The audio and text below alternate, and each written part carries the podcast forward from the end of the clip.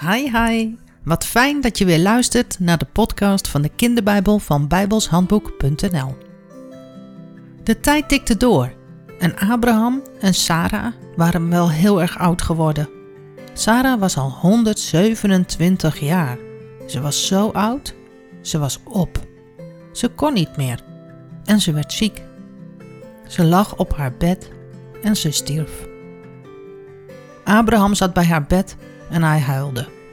Wat was hij lang met Sarah getrouwd geweest en wat hadden ze samen veel meegemaakt. Samen geleefd, samen gelachen en gehuild, goede en minder goede tijden gehad. En ze hadden altijd gewacht op de beloften van God, de geboorte van hun lang verwachte zoon Isaac. En wat waren ze blij toen Isaac geboren werd. Maar nu, nu was het leven van Abraham samen met Sarah voorbij. Abraham kon het maar moeilijk geloven. Hij was heel erg verdrietig.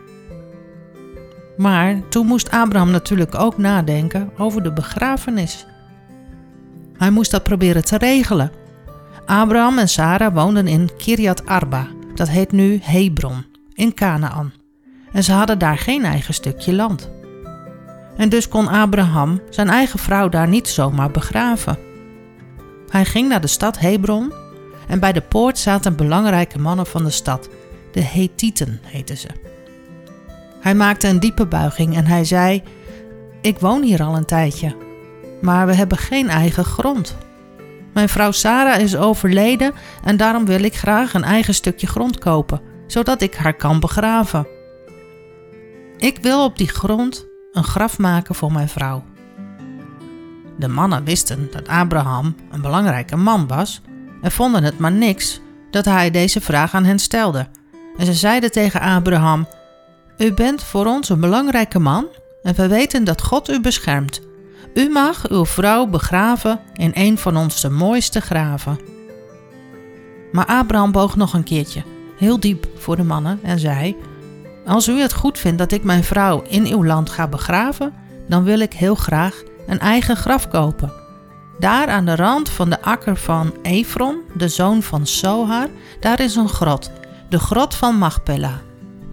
Willen jullie aan Efron vragen of hij die grot aan mij wil verkopen? Ik wil er echt goed voor betalen. Efron was toevallig ook bij de stadspoort en hij hoorde wat Abraham vroeg. Hij stond op en zei: Nee hoor, geen sprake van. U hoeft daar niet voor te betalen, Abraham. U mag uw vrouw Sarah daar gewoon begraven. Maar Abraham wilde een eigen stukje grond met een graf. En hij wilde Sarah niet in een graf begraven dat van iemand anders was. Dus hij zei tegen Efron: Laat u mij toch alstublieft voor die grond betalen. Ik wil heel graag dat eigen stukje grond, zodat ik mijn vrouw kan begraven. Toen zei Efron: Die grond is 400 zilverstukken waard. En dat is niet zoveel voor u. Abraham betaalde 400 zilverstukken en toen was hij de eigenaar van dat stukje grond geworden. Daarna kon hij Sarah begraven. Hij begroef haar in de grot op het land in Machpelah, dicht bij Mamre in het land Canaan. En vanaf toen had hij dus een eigen stukje grond en een eigen graf. Maar Abraham moest wel alleen verder. God zorgde goed voor hem. Hij was rijk en in alles gezegend, daar had de Heer wel voor gezorgd. Maar Abraham en Isaac waren wel erg verdrietig. Isaac miste zijn moeder heel erg en zonder zijn moeder was hij eenzaam. Abraham zag dat wel en hij dacht: Misschien wordt het tijd dat Isaac een leuke vrouw ontmoet en dat hij gaat trouwen. Dan is hij niet meer zo alleen. Maar het mag geen vrouw zijn die uit dit land komt, niet een vrouw uit Canaan. In dit land kennen de mensen God niet.